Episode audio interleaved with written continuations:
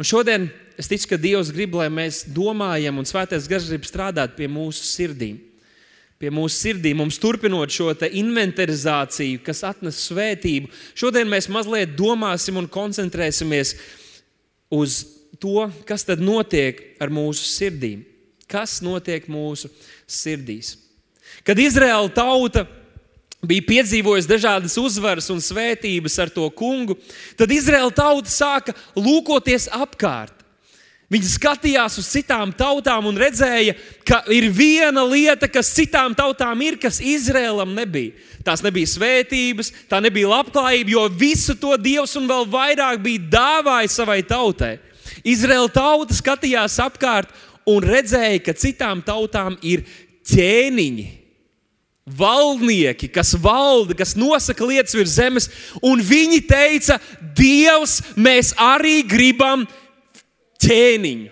Mēs arī gribam ķēniņu. Un Dievs negribēja, lai viņiem kāds cilvēks būtu valdnieks ķēniņš, jo viņš gribēja būt savas tautas vadītājs, savas tautas kungs un valdnieks. Bet tauta lūdzās un lūdzās un lūdzās, līdz Dievs viņiem deva tādu ķēniņu, kādu viņi patiešām arī vēlējās. Dievs brīdināja, ka, ja jums būs cilvēks par valnieku, viņš darīs sautīgas lietas, viņš izmantos savu varu nelabvēlīgi, viņš, viņš arī var kļūt ļauns un nodarīt jums pāri, bet viņi tik ļoti gribēja savu valdnieku. Un Dievs izraudzīja Saulu. Sauls bija ļoti ievērojama auguma. Viņš bija stiprs miesas būvis, viņš bija garāks par pārējiem savā tautā. Līdzīgi kā kad mēs aizbraucam uz kādām citām zemēm, kur vidēji cilvēki ir īsāki par mums, vai es pavisam nesen biju pusauģu nometnē, un tad es tur atrados, sēdēju krēslā un jutos kā milzis. Ja neskaita daži puiši, kuri jau sen ir mani pārauguši, Es jutos kā mīlestības, un Sauls bija tāds, ka Dievs viņu izraudzīja. Viņš savā iekšienē bija nobijies, nepārliecināts puisis, gatavs, lai Dievs varētu viņu celt un darboties caur viņu. Bet āršķirīgi viņš izskatījās vareni un iespaidīgi, un Izraēla tauta skatījās un teica: Lūk, mums ir ķēniņš varens. Un nepagāja daudz laika, kad šis sauls tiešām grēkoja pret to kungu.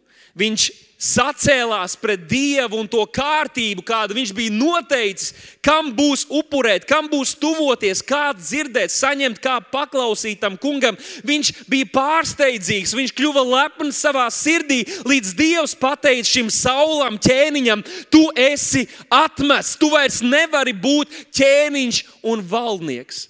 Un tajā pat reizē, kad Pravietis Samuēls šos vārdus no Dieva saulam atklāja. Viņš teica vēl kādu frāzi, un es gribētu, lai mēs drusku par to padomājam. 1. Samuēla grāmata 13. nodaļa 14. pantā. Samuēls saka viņam, tas kungs, lasiet kopā ar mani, tas kungs jau ir izmeklējis sev vīru, kas ir pēc viņa sirdsprāta vai pēc viņa sirds. Viņš saka, šim vīram būs jābūt valdniekam pēc tevis. Bet Dievs jau ir izmeklējis vīru, un ziniet, ko tas mums pasaka, ka Dāvids nebija Dieva pirmā izvēle. Dāvids nebija Dieva pirmā izvēle. Viņu neizvēlējās kā pirmo ne Dievs, ne viņa tēvs, ne viņa brāļi, ne apkārt esošie. Bet tad, kad Dievs viņu aicināja, viņš bija gatavs. Nav tik svarīgi, es tā pie sevis domāju, nav tik svarīgi, kurš pēc kārtas es esmu, kuram Dievs klaudzināja pie manas sirds un aicināja mani kalpot viņam. Tajā brīdī, kad es sajūtu šo viņa aicinājumu, tas ir ir pagodinājums man. Ja pat es esmu 1125. un pārējie ir atteikušies, un pārējie ir teikuši, nē, es esmu aizņemts, man ir zeme, es tikko iegādājos lopus vai mašīnu, es nevaru tev kalpot. Ja Dievs aicina tevi, tas ir pagodinājums. Atsaucies viņam, bet mums jābūt gataviem. Mums jābūt gataviem, un Dāvids tāds bija. Šī raksturvieta mums saka, ka Dievs atrada Dāvidu Un kas viņam patika Dāvidā? Ka Dāvids bija vīrs, kuram sirds bija līdzīga Dieva sirdī. Viņš skatījās uz Dāvidu un teica, Klau, tas puisis ir līdzīgs man. Es gribu viņu lietot. Klīst tādas baumas vai leģendas, ka tad, kad es piedzimu saviem vecākiem, es biju vēl pavisam neliels, es apsēdos gultiņā, es, es gulēju gultiņā un es pārliku kāju šitā pāri, tā ļoti ērti sēžot. Dzemdību namā. Un mans tēvs to redzēja, apkārtējie cilvēki to redzēja, mans tēvs padomāja, varbūt viņam tas tika pateikts, un mans tēvs padomāja, klau, bet tas puisis taču ir līdzīgs man. Un tas iepriecināja tēva sirdi. Viņš ieraudzīja nedaudz sevi savā dēlā. Un tā līdzīgi šeit ir teikts, ka Dievs redzēja Dāvidu, un viņš bija sajūsmināts, viņš bija iepriecināts, ka mazliet no tā, kas viņā ir, kāds viņš ir, viņš saskatīja šajā jaunajā zēnā, kas tajā laikā vēl bija pēc mūsu standartiem pusaudzis. Vai arī pusaudzis, varbūt nevis sabuntojies, nevis sadumpojies pret saviem vecākiem un dievu, bet staigāt ar patīkamu, dievam patīkamu un mīgu sirdi. Jā, tas ir iespējams. Sāciet sludināt, sāciet lūdziet un lūgt un vadīt savus bērnus, lai viņi tādi būtu. Viņš atrada šo sirdi, kas viņam tik ļoti patika. Vēlāk, kad Samuēls dodas, lai svaidītu Dāvidu par ķēniņu, tad sam, sākumā Samuēls skatās uz tiem garākajiem, iespaidīgajiem dēliem. Un viņš domā, tas noteikti ir ķēniņš, tas noteikti ir ķēniņš. Un tad Dievs deva šim pravietim, Dieva vīram, kādu ieskatu tajā, kā Dievs vērtē un skatās uz cilvēkiem. Un viņš teica, cilvēks redz, kas parādās viņa acīm, bet tas kungs uzlūko sirdi. Mēs cilvēki spriežam cilvēcīgi. Mēs kaut ko padzirdam, mēs kaut ko redzam, padomājam, un mēs izdarām noteiktu secinājumus. Tādēļ kristiešiem ir teikts, ka mums nebūs tiesāt, ja pieņemt, ka mēs zinām otra cilvēka uzvedības un rīcības motīvus. Jo tad mēs pieņemam, ka mēs zinām, kas notiek viņa sirdī, bet to zina tikai, tikai Dievs. Tātad tā nav mūsu atbildība. Dievs ir tiesnesis, tādēļ viņš var būt taisns tiesnesis, jo viņš redz un zina ne tikai to, ko mēs darām, bet to, kas notiek mūsu iekšienē. Pāvils kādā vietā raksturoja cilvēku, kurš cīnās ar šo savu mīsīgo dabu. Viņš teica, to, ko es negribu darīt, es daru, un to, ko es gribu darīt, es īstenībā nedaru. Bet Dievs skatās ne tikai uz to, ko mēs darām, Viņš galvenokārt skatās uz mūsu sirdi. Bībeli saka, ka miesas vingrināšana maz ko līdz, bet dievbijība palīdz visās lietās. Ļaujiet man jums pateikt un atbrīvot jūs mazliet šodien. Dievu neiespaido tas, cik daudz sekotāju tev ir sociālajos tīklos. Dievu neiespaido tas, cik daudz cilvēki reaģē uz tavu saturu. Dievu neiespaido tas, cik skaisti tu šodien esi saģērbies. Dievu neiespaido tas, cik attīstīta ir tava vēdera muskulatūra. Dievu neiespaido tas, cik gudrs un intelektuāls tu esi. Dievu tas viss neiespaido, jo Dievs skatās tālāk un dziļāk nekā mēs cilvēki skatāmies. Viņš redz tavu sirdi. Viņš skatās uz tavu sirdi un pēc tā viņš vērtē. Viņš meklē tos, kuri pazemojas viņa priekšā, kuri ir salauzti viņa priekšā kuri pielūdz viņu garā un patiesībā. Un tāpēc šodien es gribu runāt par tēmu vīrs vai sieva pēc dieva sirds. Vīrs, sieva pēc dieva sirds. Jo tas ir tas, kur mums būtu jātiec. Tas ir tas, kur šajā mēnesī ar šo inventarizāciju mūsu mērķim būtu jābūt, lai Dievs, kad Viņš skatās uz mums, Viņš saka, Wow! Tas mans dēls ir tik ļoti līdzīgs man. Es gribu viņu svētīt, un es gribu darboties viņa dzīvē, es gribu viņu celt. Pazemīgiem viņš dod žēlastību. Sirds līdzīga viņam. Bet, lai mēs par to padomātu, varbūt mēs varam drusku atcerēties Dāvida stāstu. Viņš ir astotais dēls sava tēva ģimenei. Viņa tēvs nav augstās domās par viņu, jo viņš vēl ir pusaudzis ar tiem vaigiem, kādā vietā Bībelē viņa raksturo. Viņa brāļi ir karavīri, kas ir armijā, kas ir lieli vīri. Viņam ir jāpaliek pie avīm, un par to tie brāļi drusku tā kā pasmējās. Nu, kas vēl notiek? Viņš ir uzticams tajā vietā, kur viņš ir. Viņš bija gatavs. Viņa atbildība tajā mirklī bija būt pie avīm kas nebija nekas īpašs. Bet viņš ir uzticams, viņš paklausa savam tēvam, viņš godā savu tēvu un māti. Tas ir viens no baušļiem, lai viņš iemantotu svētību. Viņam ir šī svētība, viņš ir uzticams tur. Viņš pārdomā, ko tēvs viņam ir mācījis par Dievu. Viņš pārdomā uh, to, ko viņš bija dzirdējis no praviešiem, ko viņi bija runājuši. Viņš pārdomā, viņš meditē par šo vārdu, un tas viņā rada pielūgsmi.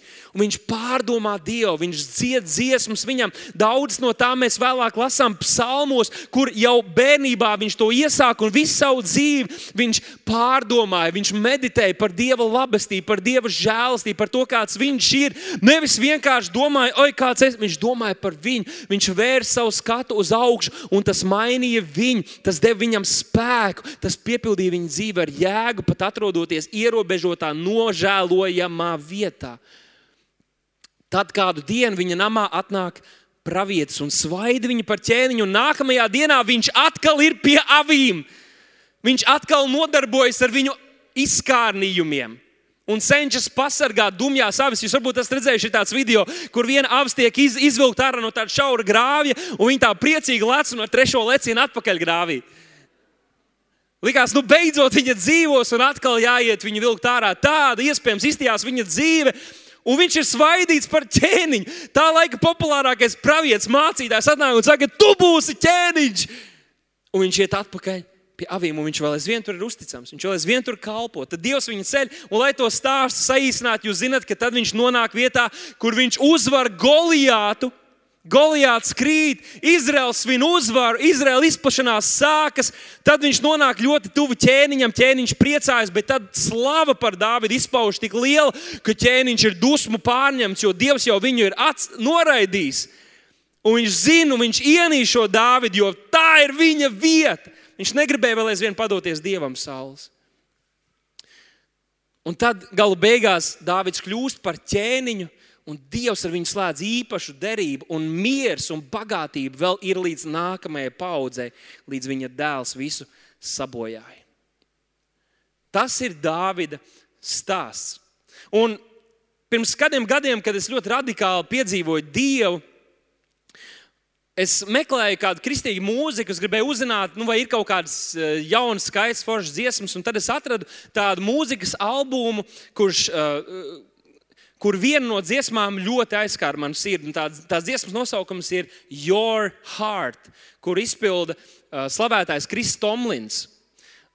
Un šis albums ir izveidots tā, ka tur ir dažādi kristīgi mūziķi, kas ir centušies uh, dažādus Bībeles varoņus paņemt un izveidot dziesmu saviem vārdiem, parādot to būtiskāko, kas ir nu, tā, dieva vīra vai sievas dzīvē bijis. Un Dāvidam, protams, tā bija šī viņa sirds. Kāda saka, ka svarīgākais viņa dzīvē bija viņa uzvara pār Goliātu. Bet nē, svarīgākais bija viņa sirds. Un es gribētu jums latviešu nolasīt šīs dziesmas vārdus, jo man šķiet, ka tie tik skaisti parāda viņas sirdi. Uh, Kā Dāvids iespējams dzirdēja, kāda bija viņa attieksme, kāda bija šī viņa pazemīgā sirds. Un, ja jūs mājās gribat, noteikti atrodiet dziesmu Your Heart, Kristamlin, jo noteikti tas, kā viņš to izpildīja, ir daudz, daudz labāk. Es to pirmoreiz dzirdēju, man viss trīs pārgāja, un es kādus vairākus gadus staigāju. Tā bija mana himna. Es gribēju, lai die, mana sirds ir tāda kā viņas sirds. Klausieties, kā viņš dzied. Es nekad nekoncentrējos uz svaidāmo eļļu, kas tecēja pār manu galvu Es nekad nesapņoju par lietām, kas bija tālākas par manām ganībām. Es nemeklēju slavu vai parādus gājienus pilsētas ielās. Patiesībā, kad Goliāts nokrita, man nevajadzēja kroni. Es nebiju domājis, ka mierināšu ķēniņu ar vienkāršām gana zēna dziesmām. Kurš to būtu domājis, ka slēpšos alās, paglābjoties no briesmām? Es nebiju piemērots, lai nesātu kroni savā galvā vai sakautu varenas armijas. Runa nekad nebija par mani vai to, kas es vēlējos kļūt. Es zinu, ka es esmu izgāzies un izdedzis, esmu sagandējis citu cilvēku dzīves, bet tu, Dievs, visu atjauno. Jā, tu atjauno arī mani. Pieci nelieli oļi vai karalisks drānas, gans vai karalis nav lielas starpības un piedziedājums. Jo dienas beigās es vēlos, lai cilvēki atzīst, ka mana sirds ir gluži kā tavējā. Kad pasaule raudzīsies uz mani, lai tie ir viensprāts, ka mana sirds līdzinās tavējai. Es dejošu, nekaunoties tavā vārdā, es pacelšu rokas, līdz mana sirds izskatīsies gluži kā tavējā. Draugi, lai mēs dzīvotu svētā gara vadītas dzīves, lai mēs redzētu viņa spēku mūsu dzīvēm, lai mēs piedzīvotu šo atmodu, kuru Dievs ir grib, lai mēs piedzīvojam mūsu tautā un šajā reģionā. Mums ir jāiemanto sirdis, kuras ir līdzīgas viņai. Mums jākāro, lai mūsu sirdis būtu līdzīgas viņai. Nevēl Salamana pamācībā, 4. nodaļā, Salamana saka, pāri visam, kas jāsarga, sargi savu. Palīdziet man, pāri visam, kas jāsarga, sargi savu naudas maku, sargi savu mašīnu, sargi savu māju. Sargi savas attiecības, kur tu kaut kā esi ielīdzis, ka tie cilvēki vēl aizvien grib ar tevi draudzēties. Sargi, ka tu tās nepazaudē. Nē, nē, nē, nē. Viņš saka, sargi savu sirdi. Visvērtīgākais, par ko tev ir jārūpējas un jāgādā, draugs, cēsīs, dzirdiet, ir jūsu sirds. Tā ir tava sirds. Rūpējies, gādā par savu sirdi. Tas ir viss fiziskās un garīgās dzīves centrs, jo tavs sirds stāvoklis nosaka to, kas notiek tavā dzīvēm. Jānis teica, es jums novēlu visās lietās tādu labklājību, kāda jau ir jūsu dvēselēs. Tātad tas, kas ir šeit iekšā, notiks arī ārā. Tavs sirds stāvoklis nosaka to, ko tu domā, ko tu runā, ko tu dari, kādas ir tavas attiecības, kādas problēmas vai lietas, kā tu izai cauri izaicinājumiem. Sirds ir ārkārtīgi būtiski. Neilgi pēc tam, kad Ādams, pirmais cilvēks, bija miris, Dievs tagad raksturo cilvēku sirdi. Mēs tagad domājam, wow, re, kāda Ādam bija skaista sirds. Redz, kāda mums ir forša sirds. Uhu, sirds, sirds, sirds, sirds, sirds. Pastīsimies, kā Dievs raksturo cilvēku sirdi. Pirmā mūzika, sastāvā nodaļa, piektais pāns. Kad Dievs redzēja, ka cilvēku ļaunums augtina auga zemes virsū un ka viņu sirdsprāta tieksmes ir dienas vēršās uz ļaunu, tad Dievam kļuva žēl, ka viņš cilvēku zemes virsū bija radījis. Un viņš savā sirdī ļoti noskuma kad cilvēki ļāvās vienkārši brīvai, brīvi dzīvot tā, kā viņu sirds, kad viņi bija krituši ēdienas dārzā, viņu salauztā, sabojātā, mirusī sirds, ka viņi ļāvās tās sirds vadībai un iegribām. Grēks ikdienas jo vairāk vairojās līdz 1656 gadu aptuveni pēc radīšanas. Dievs iznīcina visu pasauli Tā ir pirmā tiesa, kad cilvēks tiek tiesāts par tās grēkiem. Paga, paga, paga. Tu tikko neteici, ka Dāvidam bija skaista sirds. Pastīsimies, ko Bībele saka. Jeremijas 17,9. Tur pravietis Jeremijs saka, ka sirds ir ļaunprātīga lokana pret visu, tā ir viltīga. Kas to var izdibināt? Sirds ļaunprātīgi lokana.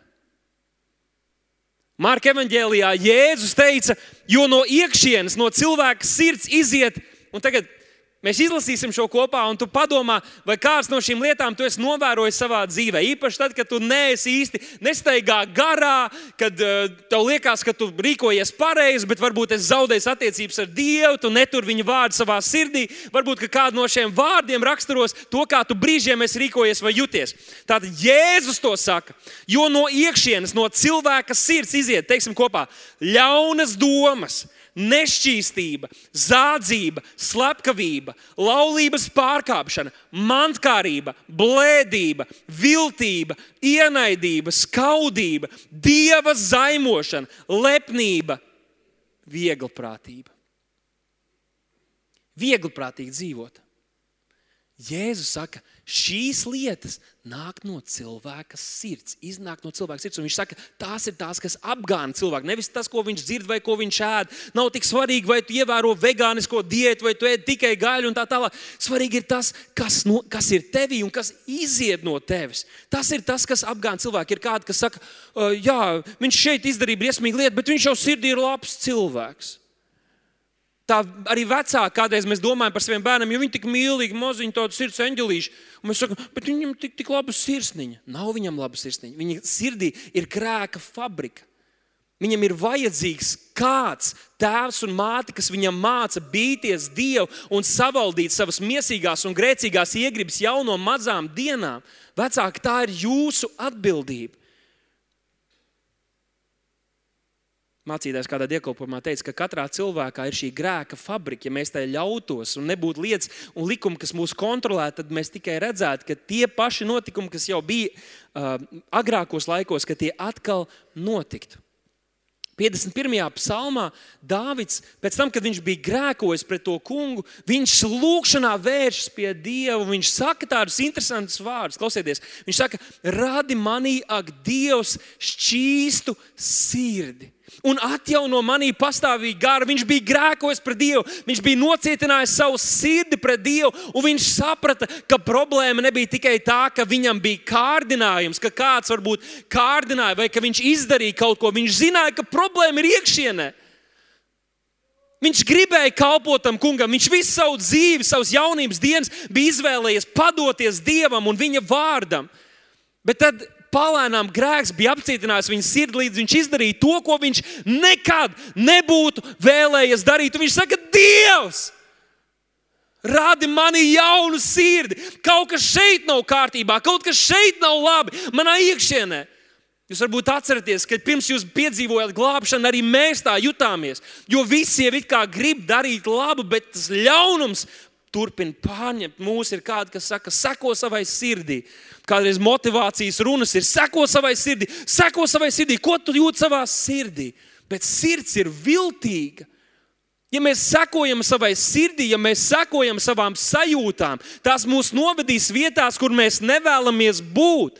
Vienu vīru sirds var vienu brīdi vest, lai viņš iemīl un aprec kādu jaunu meiteni, un nākamajā nedēļā viņš mīlēs jau citu. Ja tu sekosi tikai savai sirdī, tā tevi pazudinās.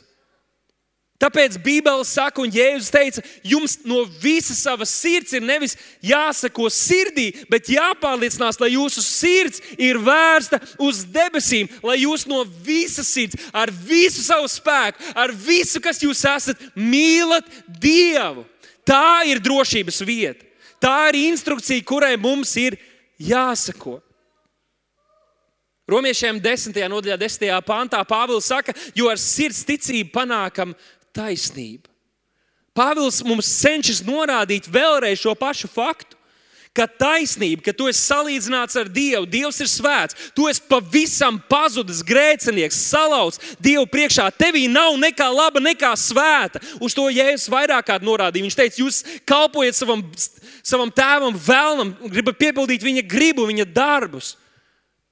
Pāvils saka, ka tā taisnība, izlīdzināšanās ar Dievu nenotiek no mūsu cenšanās, no mūsu skriešanas, no mūsu raudāšanas. Viņš saka, tam ir jābūt iekšējām pārmaiņām. Šī laika pasaule un kultūra cenšas cilvēkiem izlabot kaut kādas rīcības lietas. Es tur ziedoju, tu kā mierini, ka tu esi labs cilvēks. Tu kaut kur vēl mazliet piekāpies. Tas liekas arī loģiski, es arī tā darīšu, bet viņi iekšā ir sapuvuši un miruši. Dievs neliek uzsvaru uz mūsu darbiem. Tās ir sekas, tie ir augļi. Viņš saka, problēma ir iekšienē. Šī lūkšana, ko Dāvids lūdza jaunajā derībā, tai ir rasts piepildījums. Ecihēls, pravietis Ecihēla grāmatā mēs lasām, kur Dievs saka šo apsolījumu: Es jums piešķiršu jaunu sirdi un jaunu garu. Es izņemšu no jūsu krūtīm akmens sirdi un ielikšu jums miesas sirdi. Viņš saka, es izņemšu šo cieto, mirušo, grēcīgo sirdi garu no jums un došu jums jaunu garu, savu garu, kas ir man līdzīgs. Lūk, kāpēc ir tik svarīgi tas, ko mēneša pirmajā svētdienā mācītājs teica. Vai tu patiesi esi piedzimis no augšas, vai patiesi Jēzus ir tavs kungs? Jo tu vari atrasties šajā zālē, tu vari skatīties mūsu online un justies, ka tu esi daļa no draudzes. Bet, ja tev iekšienē nav, vēl aizvien ir šī, šī cietā sirds, un nevis dievišķais gars tev ir devi, dāvājis jaunu sirdi. Tu esi pazudis savos grēkos, pat ja varbūt tu esi enerģiskākais šajā zālē. Tā ir jaunpiedzimšana, piedzimšana no augšas. Kad Jēzus par, šiem, par šīm lietām runāja, cilvēki bija satraukti un dusmīgi. Viņi nevarēja to saprast. Bet Jēzus teica, tāpat kā mēs fiziski piedzimstam, tāpat mums otru reizi jāpiedzimst no gara. Vienreiz no ūdens, otrreiz no gara. Un tad, kad jūs piedzimstat no gara, tad jums kaut kas ir izmainīts jūsos. Daļa no jūsu sirds ir pilnīgi kā dievam. Tas ir mūsu gars. Un ļaujiet man jums paskaidrot, ka mūsu sirds, Bībelē, kad runā par cilvēku sirdi, nav tikai garīgais cilvēks, bet gan gars un dvēsele kombinācijā. Un šo ir svarīgi saprast. Gars un dvēsele kombinācijā. Tāpēc, kā vecajā darbā, tā arī jaunajā darbā, attiecībā pat uz kristiešiem, uz draugu, viņš runā par ļaunu sirdi, par neticības sirdi, par nocietinātu sirdi. Dieva gars, mūsu garīgais cilvēks nekad nevar būt tāds, bet jautājums, kas notiek ar mūsu dvēseli. Vai mēs par to rūpējamies, vai mēs atjaunojamies savā prātā, vai mēs pildamies ar Dievu vārdu un sargājam to mūsu sirdīs. Es šo piedzimšanu piedzīvoju 2010. gada 3. maijā, un pēkšņi bija lietas, kuras izmainījās. Nevis tāpēc, ka es centos, bet tāpēc, ka es biju jauns cilvēks. Tagad ļoti ātri mēs pārskriesim dažiem diviem punktiem, ko es gribētu norādīt Dāvida dzīvē, kur mēs redzam šo viņa pazemīgo sirdi. Tātad, kas ir tā sirds, kādu Dievs meklē? Kas ir šī dievam patīkamā sirds? To vienkārši būtu nodefinēt tā, ka tā ir dievbijīga sirds. Tā ir dievbijīga sirds, kas izpaužas mīlestībā, paklausībā un pazemībā. Mēs varētu vēl runāt par visām citām lietām, kas ir gara auglī, kas ir Kristu Jēzu, bet šīs būtu tās pamatlietas, kuras mēs varētu nodefinēt. Mīlestība uz Dievu un cilvēkiem, tās ir personīgas attiecības ar Dievu, mīlestība uz cilvēkiem, tā ir paklausība Dievam, autoritātēm, vecākiem un pazemība, tā ir kalpas sirds. Tas ir pretēji lepnībai, pretēji iedomībai, pretēji tam, ka mums šķiet, ka mēs zinām, ka mums kaut kas pienāks. Pazemība ir tā, ko mums parādīja Kristus, kalpojot saviem mācekļiem, kuri visi viņu atstāja un noliedza tad, kad viņam visvairāk vajadzēja viņu atbalstu.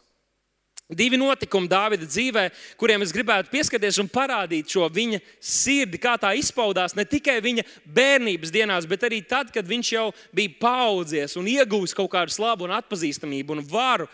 Pirmais no šiem notikumiem ir tad, kad viņš jau ir piedzīvojis lielas uzvaras. Dāvids ir pie, uzvarējis Goliātu, un ir daļa sabiedrības, kas grib, lai Dāvids ir viņu ķēniņš. Bet Sauls sāk viņu vajāt. Es atgādināšu, Sauls ir tas valnieks, kuru Dievs ir atmetis. Dāvids ir tas, kuru Dievs jau sen ir svaidījis. Bet tas, kurš ir, ir atmests un nolādēts, vajā Dieva svētīto. Tā var būt.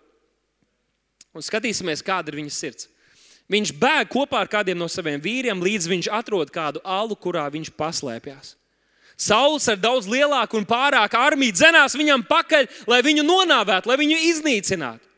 Un tad saulam, kā jūs zināt, cilvēkiem tas ir kādreiz pat dievkalpojuma laikā, kādiem cilvēkiem tas nepieciešams. Viņam vajadzēja nu, darīšanas. Viņam vajadzēja darīšanas nokārtot. Un viņš ierauga tādu alu, kas nav liela. Viņš saka saviem vīriem, jo tomēr viņi nevar redzēt, kā ķēniņš nokārtojas. Pagaidiet, jūs te ārā, es iešu tur nokārtoties. Un viņš ieiet tur iekšā, un tur Dāvids slēpjas ar saviem vīriem. Un kamēr Sauls dara lietas, svētīt dabu, Dāvids ir tur. Viņam ir iekšā pašam dilemma, varbūt. Un tad vēl viņam pienāk kāds no viņa uzticamiem karavīriem un saka, Klau, Dāvid, Dievs tev ir nodevis sauli tavās rokās. Viņš visu laiku nonāvēt tevi, bet tagad Dievs viņu ir atvedis līdz, līdz tevim šeit, tālā tumsā. Ej un nonāvē viņu. Viņš saka, kā lai es grēkotu pret Dievu svaidīto. Un tad, kad Sauls ir pabeidzis šīs lietas, Dārvids gan nogrieza no viņa mēteļa, lai parādītu, cik tuvu viņš bija tam, ka viņš varēja to pastrādāt. Un pat to viņš pēc tam pārdzīvoja, ka viņš to izdarīja. Kad Sauls ir izgājis ārā no alas, tad Dārvids iznāk viņam līdzi nopakaļ un sauc: Mans pavēlnieks un ķēniņš! Un kad Sauls atskatījās atpakaļ, tas ir 1. samuēlā 24. nodaļa, 9. pāns. Mans pavēlnieks un ķēniņš, un kad Sauls atskatījās atpakaļ, tad Dāvids noliecās ar savu vaigu pie zemes, tā parādīdams tam godu. Mums jāsaprot tas konteksts. Dāvids pazemojas un parāda godu viņam. Viņš saka, jo lai gan tā ir dieva griba, bet tad, lai tā notiek pa dieva ceļu. Ja Dievs mani grib padarīt par ķēniņu, ja Dievs grib mani celt, ja Dievs grib, lai es izplašos, ja Dievs grib, lai es nonāku tur un tur, klausies, tev tas jāpieņem savā dzīvē, tad pa Dieva ceļiem. Patiesa dievbijīga sirds nav tāda, ka es tagad klusēšu par Dievu, es tagad rīkošos tā un tā, es nonākšu tajā, es kļūšu par ķēniņu un tad es visiem pateikšu. Nē, nē, nē. tu ļoti uz bīstama ceļa esi tādā gadījumā. Ko viņš izdarīja? Viņš padevās Dieva gribai. Un šodien es aicinu tevi saskaņā ar šo vārdu, kurā Dievs mūs jau ir ievedis kādu laiku, padodies Dieva gribai. Padodies Dieva vārdam, neesi lepns, pārbaudi savu sirdi, padodies autoritātēm, padodies vecākiem, cik tas nav, ka tev jāpratojas dievišķai gribai, jo tā ir Dieva griba, lai mēs tā dzīvotu. Un Dāvids mums parāda lielisku piemēru. Otrais gadījums, kuram es gribētu vērst jūsu uzmanību, ir, ka tad, kad viņa jau sirds bija apcietināta, viņš bija kritis grēkā ar kādu sievieti, un tad bija līdzvainīgs viņa, viņas vīra noslapkavošanā. Tad pie viņa atnāca pravietis Nātans. Un ziniet, ko? Nātanam bija dievišķa gudrība. Viņš sākumā viņam stāsta stāstu Dāvidam. Jūs droši vien esat lasījuši, un Nātans viņam stāsta šo stāstu. Viņš saka, Klau, mums te pilsētā ir tāda situācija, ka tur ir viens bagāts vīrs, kuram nāca ciemiņi, un viņam pašam ir gana daudz lopu un visa rocība, viss viņam ir.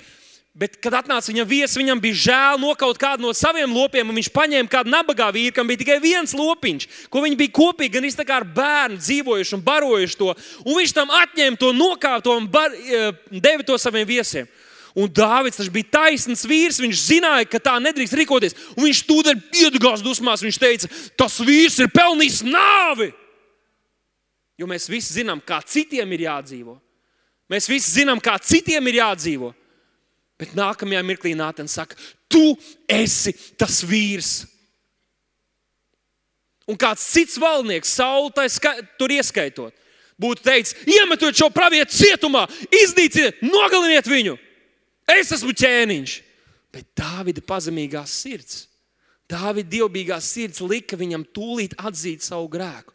Un viņš, kurš bija iespējams gadiem ilgi grēkojis un nocietinājis savu sirdi pret Dievu, saprastams, atzīstams savu grēku Dievu priekšā, viņš tūdaļ metas uz ceļiem. Un klausieties, ko viņš saka Nātanam 12. nodaļā, 13. pantā. Viņš saka, es esmu grēkojis pret to kungu. Viņš atzīst savu vainu, viņš atzīst savu grēku, viņš nožēlo un atgriežas. Un šodien es aicinu, un Svētais Gars aicina draugus. Viņš runā arī uz mani. Atzīsim savas kļūdas, atzīsim savus grēkus. Neatkarīgi no tā, cik lieli vai bīstami tie ir. Ja Svētais Gars ir runājis uz tevi, nesalīdzini sevi ar citiem. Nesalīdzini, ka tas darīja vairāk. Viņš arī darīja nepareizi. Skaties savu sirdi. Ja Dievs saka, ka tev bija nepareiza attieksme, tu runāji nepareizas lietas, tu darīji nepareizas lietas, tu esi grēkojis šādā un tādā veidā, atzīsti, nožēlo un atgriezies. Tu esi atbildīgs par savu sirdi. Un tas ir tas, ko Dāvids mums šeit parāda paglāb sevi šķirstā. Es esmu tas, kurš paglābies, cel gaismā tās lietas, izlīdzina attiecības. Dieva gars aicina draugus. Šis, šis vārds nav jāuztver viegli prātīgi. Tava ļaunā sirds grib, lai tu uztver to viegli prātīgi uztver nopietni, ko Dievs runā. Pastīsimies, kā Dārvids tagad attiecībā uz Dieva lūgšanā vēršas. Viņš 51. psalmā saka, apžēlojies par mani, ak, Dievs, savā žēlastībā, izdzēs manus pārkāpumus savā lielajā apžēlošanā, mazgā mani pavisam tīru no manas noziedzības un šķīsti mani no maniem grēkiem. Viņš atzina savu grēku, un tad viņš ir Dieva priekšā uz ceļiem. Šķīsti man, šķīsti man dvēseli, palīdzi man negrēkot, šķīsti mani kungs. Piektajā pantā viņš turpina. Tiešām es atzīstu savus pārkāpumus, un mani grēki ir vienmēr man acu priekšā. Vienīgi tevis priekšā es esmu grēkojis un darījis to, kas ļauns tavās acīs. Draugi, šeit nav runa par to, ka mācītājs zina. Šeit nav runa par to, ka tavs dzīves draugs zina. Šeit nav runa par to, ka tavu kolēģi zina, ka tu kaut kur tur sagrēkojies un pārkāp Dieva pavēli. Dāvids saka, pāri visam, es pret tevi esmu grēkojis. Viņa sirds bija salauzta, jo viņš pret Dievu, savu mūža mīlestību, savu apžēlotāju, visa radītāju, pret Dievu viņš grēkoja, viņas sirds lūdz, kad viņš to saprata, kad viņa garīgās acis tika atvērtas.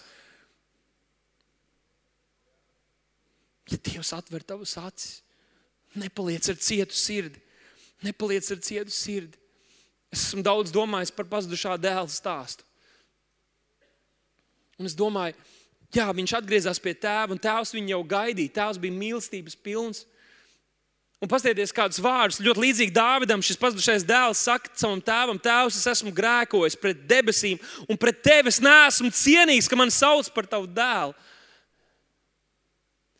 Vai nevarētu būt tā, ka šī viņa pazemošanās, šī viņa sirds attieksme deva viņam iespēju tikt atjaunotam viņa dēla statusā? Kas būtu noticis, ja iztērējis visu rocību, viņš atgrieztos pie tēva un ar pazemojošu attieksmi teikt, tu vecais kraķi, tu jau ilgi te dzīvo, šis tagad ir mans, iedod man vēl kaut kādas lietas, man pienāks. Dievs lepniem stāv pretī.